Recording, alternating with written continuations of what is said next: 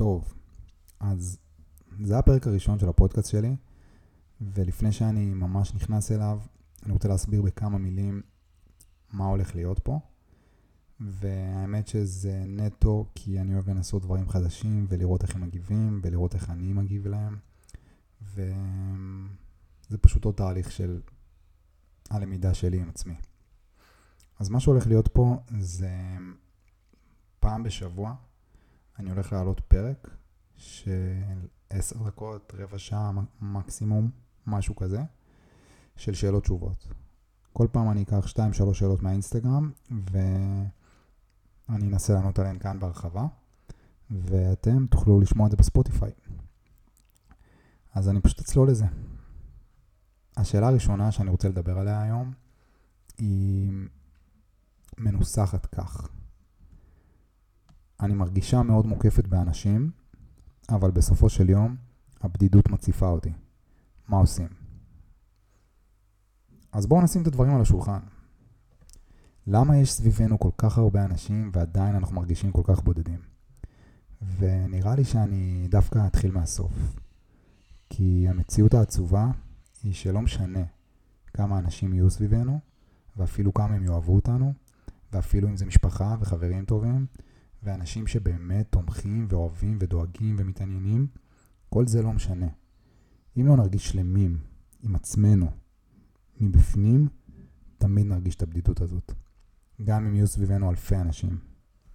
הבדידות הזאת היא תלות. כל עוד נמשיך להיות תלויים במשהו חיצוני, כדי לא להרגיש בודדים, נהיה בודדים. זאת המשוואה הפשוטה. זה מעגל כזה שהדרך היחידה לצאת ממנו היא פשוט להבין שהבדידות שלנו היא מגיעה מבפנים. וראיתי לא מזמן את הדוקו של בילי אייליש, שהשפיע עליי מאוד, ואני מאמין שאני אביא פה עוד הרבה רפרנסים ממנו בעתיד, וממנה, אבל היא הופיעה בקואוצ'לה ב-2019, וזו הייתה ההופעה הכי גדולה שהיא הייתה בה עד היום. היא לא הייתה בשיא שם, היא שכחה את המילים, היא לא ממש הצליחה למצוא את הבלנס שלה, ופשוט דמיינו ילדה בת 17 מול 100 אלף איש. וכשהיא ירדה והלכה לחדר, המשפחה שלה חיכתה לה שם, ובעצם ניסתה לשכנע אותה כמה ההופעה שלה הייתה טובה, וכמה אנשים אהבו אותה, וכמה היא ריגשה את כולם, ואנחנו מדברים פה על האנשים הכי קרובים אליה. ההורים שלה ואח שלה. ומה שאני בא להגיד זה שלא משנה כמה הם ניסו לשכנע אותה, הם לא הצליחו. היא לא האמינה להם. היא ידעה מבפנים שהיא לא הייתה טובה. לא משנה מה הם ניסו לעשות, זה לא היה עוזר. אז זה אותו דבר עם בדידות. אנחנו יכולים, אנחנו יכולים להסתכל סביבנו ולראות מאה איש, אלף איש, משפחה, חברים, אנשים שדואגים לנו, אפילו מערכת יחסים ואהבה. אבל כל עוד לא נהיה שלמים עם עצמנו באמת, תמיד נרגיש בודדים. ושלמות זה לא שחור או לבן. זה לא שאנחנו מגיעים יום אחד למקום שאנחנו שלמים וזהו, כל הבעיות של החיים שלנו נפתרות. זה לא בדיוק עובד ככה. הרעיון זה להבין שזו דרך, ושתמיד נהיה בדרך, ושתמיד זה יהיה שני צעדים קדימה וצעד אחורה. ומה שחשוב באמת זה להבין שהדרך הזאת קיימת. פשוט כאילו צריך ללכת בה. והאמת שזאת כל המהות של הפרק הזה היום, אני חושב. כי מה אנחנו בעצם צריכים לעשות כדי להתחיל להרגיש יותר שלמים מבפנים? זאת השאלה האמיתית. וזה יישמע אולי מוזר, אבל דווקא כשאנחנו מרגישים הכי בודדים, זה בדיוק הזמן להתרחק טיפה מאנשים. לא רק מאהבה, בכלל, מאנשים. תמיד יש את החבר הזה שלא יוצא לדייטים, לא יוצא מהבית, שהוא כזה מתכנס בתוך עצמו ומת לפרוץ את המעגל הזה, וכל מה שאומרים לו זה תצא, תתממשק עם העולם, אתה רוצה להכיר מישהי, אתה צריך לצאת, אתה צריך לראות אנשים, אתה צריך להתחיל עם בנות. זה מה שבדרך כלל אומרים. אני חושב על זה בצורה טיפה שונה. דווקא כשאנחנו מרגישים את הבדידות הזאת, אנחנו צריכים דווקא להתרחק מאנשים לתקופה מסוימת. כי כולם כל היום דוחפים לנו בפנים את כל ההצלחות שלהם, וכל מה שאנחנו מצליחים באמת לראות זה את הכישלונות הקטנים שלנו. אז ברור שזה יהיה קשה, וברור שנרגיש בודדים. וזה שיש סביבנו אנשים, זה לא באמת עוזר לזה. ההפך אולי. זה רק נותן לנו תחושה אשלייתית של ביטחון. וגם תחשבו על זה. אנשים כל הזמן אומרים לנו מי אנחנו. עם מי אנחנו צריכים לצאת, מה אנחנו צריכים ללמוד, מה אנחנו צריכים ללבוש. כאילו, אנשים קוראים לנו בשם שמישהו אחר הביא לנו. ואנחנו מאבדים את עצמנו בתוך כל הדבר הזה. אז ברור שנרגיש בודדים. ואם אנחנו רוצים להתחיל להכיר את עצמנו באמת, ולהתחיל להיות שלמים מבפנים, אנחנו פשוט צריכים להתרחק מאנשים. אנחנו צריכים ללמוד את הלבד שלנו. אנחנו צריכים להבין איך אנחנו מרגישים בנוח עם חוסר הנוחות שבו. כי כשזה קורה, מתחילים לקרות כל מיני דברים מוזרים ומעניינים. אנחנו מתחילים להבין, אם אנחנו עושים את זה לאורך זמן, ובאמת, באמת נכנסים לתהליך הזה, אנחנו מתחילים להבין כמה היינו מתפשרים בעבר על מערכות יחסים. לא רק זוגיות, אגב, בכלל, מערכות יחסים עם אנשים. רק, רק כי פחדנו שיעזבו אותנו. רק כי פחדנו להיות לבד. אנחנו מבינים כמה היינו מקטינים את עצמנו, רק כי רצינו שאנשים יאהבו אותנו. כמה ויתרנו על עצמנו. ואנחנו בעיקר מבינים שימות העולם, אנחנו לא מתפשרים יותר על הדברים האלה. כי אנחנו כבר לא מפחדים להיות לבד. אנחנו אוהבים להיות לבד. אנחנו אוהבים את עצמנו. ו... וזה החלק הכי מהותי. שאנחנו לא מתחננים יותר לאהבה ולקבלה ולשייכות. יש לנו מספיק אהבה לעצמנו. וכל מה שהגיע מעכשיו זה פשוט בונוס. זה תוספת.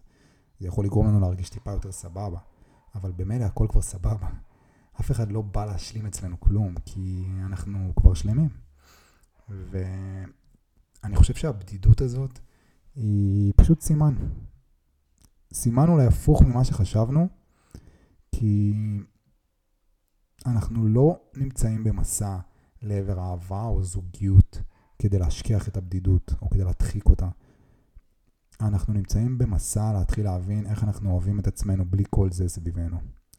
המסע הזה הוא הרבה יותר בסיסי כרגע. זה בכלל המסע של להבין את עצמנו. אז זו הייתה השאלה הראשונה על הבדידות, ופשוט אני אעבור לשאלה השנייה, שהיא מנוסחת כך: האם אפשר לשלוט ברגשות? זאת אומרת, אם אני אזרוק כל מחשבה שיש לי עליו הצידה, זה יעזור לי לשכוח? אז ככה, אני חושב שהבעיה העיקרית שיש לנו עם רגשות, קודם כל, היא שאף פעם לא באמת לימדו אותנו מה לעשות איתם. ההפך, לימדו אותנו לא להתמודד איתם. אסור לנו לבכות. במקום ללמד אותנו להרגיש אותם, לימדו אותנו איך להדחיק אותם. ולפני כמה חודשים התחלתי לצאת עם מישהי שמאוד רציתי, במשך הרבה זמן. והיה לנו מטורף בחודש הראשון, ותכלס כאילו נשבע שהייתי בטוח שיש מצב שאולי זהו, שאולי זו הולכת להיות אהבה. וכשממש נכנסתי לזה, הבנתי שאני פחות שם. לא כל כך הבנתי למה כביכול רציתי אותה כל כך, אמ, ולאן נעלמה לי כל האנרגיה עליה. וזה היה לי מוזר. אז עשיתי את מה שאני תמיד עושה במצבים האלה, התקשרתי למטפלת שלי, ואמרתי לה, תשמעי, משהו פה לא מסתדר לי, אני אגיד לך בכנות. ממש ממש ממש רציתי אותה, ושוב זה לא נתפס לי. כאילו, איך יכול להיות ששוב זה ירד לי כל כך מהר? אז היא אמרה לי לעצור הכל ולהקשיב. מעכשיו, אתה לוקח שלושה חודשים עם עצמך. אתה לא מדבר עם בנות, אתה לא יוצא עם בנות, לא כלום עם בנות. אתה עכשיו שלושה חודשים עם עצמך, בלי אינסטגרם ובלי כלום. ו... והיא הסבירה. כי כל רגע שלילי שהגיע לך עד היום, ברחת ממנו. לשיחות עם האקסיט, לפייסל עם חבר, לעוגיה הזאת על השולחן בדרך לסלון, ברחת ממנו. אתה לבד כבר כל כך הרבה זמן, אבל כל פעם שהגיע משהו שהוא טיפה קשה להתמודדות, ברחת. אז קח לעצמך שלושה חודשים שאתה לא בורח יותר מכלום. מגיע רגע קשה, אתה מרגיש אותו. בגוף שלך. אתה נותן לו להתבטא ומחכה שהוא יחלוף. תתחיל להתיידד עם הפחד, עם החרטה, עם התחייה. תחייה זה חזק, כי זה רגש ממש קשה. תתחיל להתיידד עם הרגשות האלה.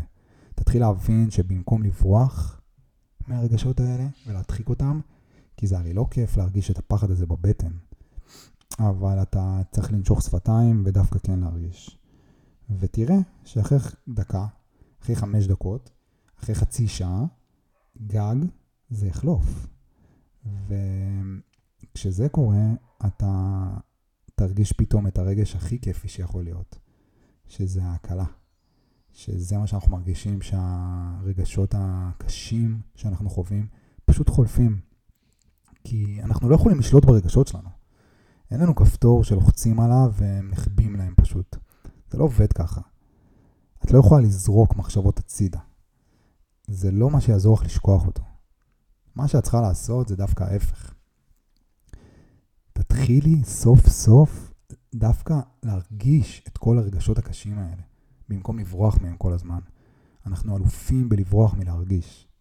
אנחנו אלופים בלברוח מהלבד הזה, מעצמנו. אבל עצמנו זה בדיוק מה שאנחנו צריכים כשאנחנו מרגישים את הרגשות האלה. זה מה שאנחנו צריכים, את עצמנו. צריכה לחזור פנימה, עמוק הפעם. צריכה לנסות להתמודד עם הרגשות שהלבד שלך מביא איתו. עם הפחד, כי הוא מביא איתו פחד, ובדידות, ובושה לעיתים, וחרטה. חרטה זה גם רגש מאוד קשה. ותחייה כמובן. הם רגשות. הם פשוט צריכים שירגישו אותם באומץ. תנסי להרגיש אותם ותתני להם לחלוף ולעבור לדם העצוב הבא.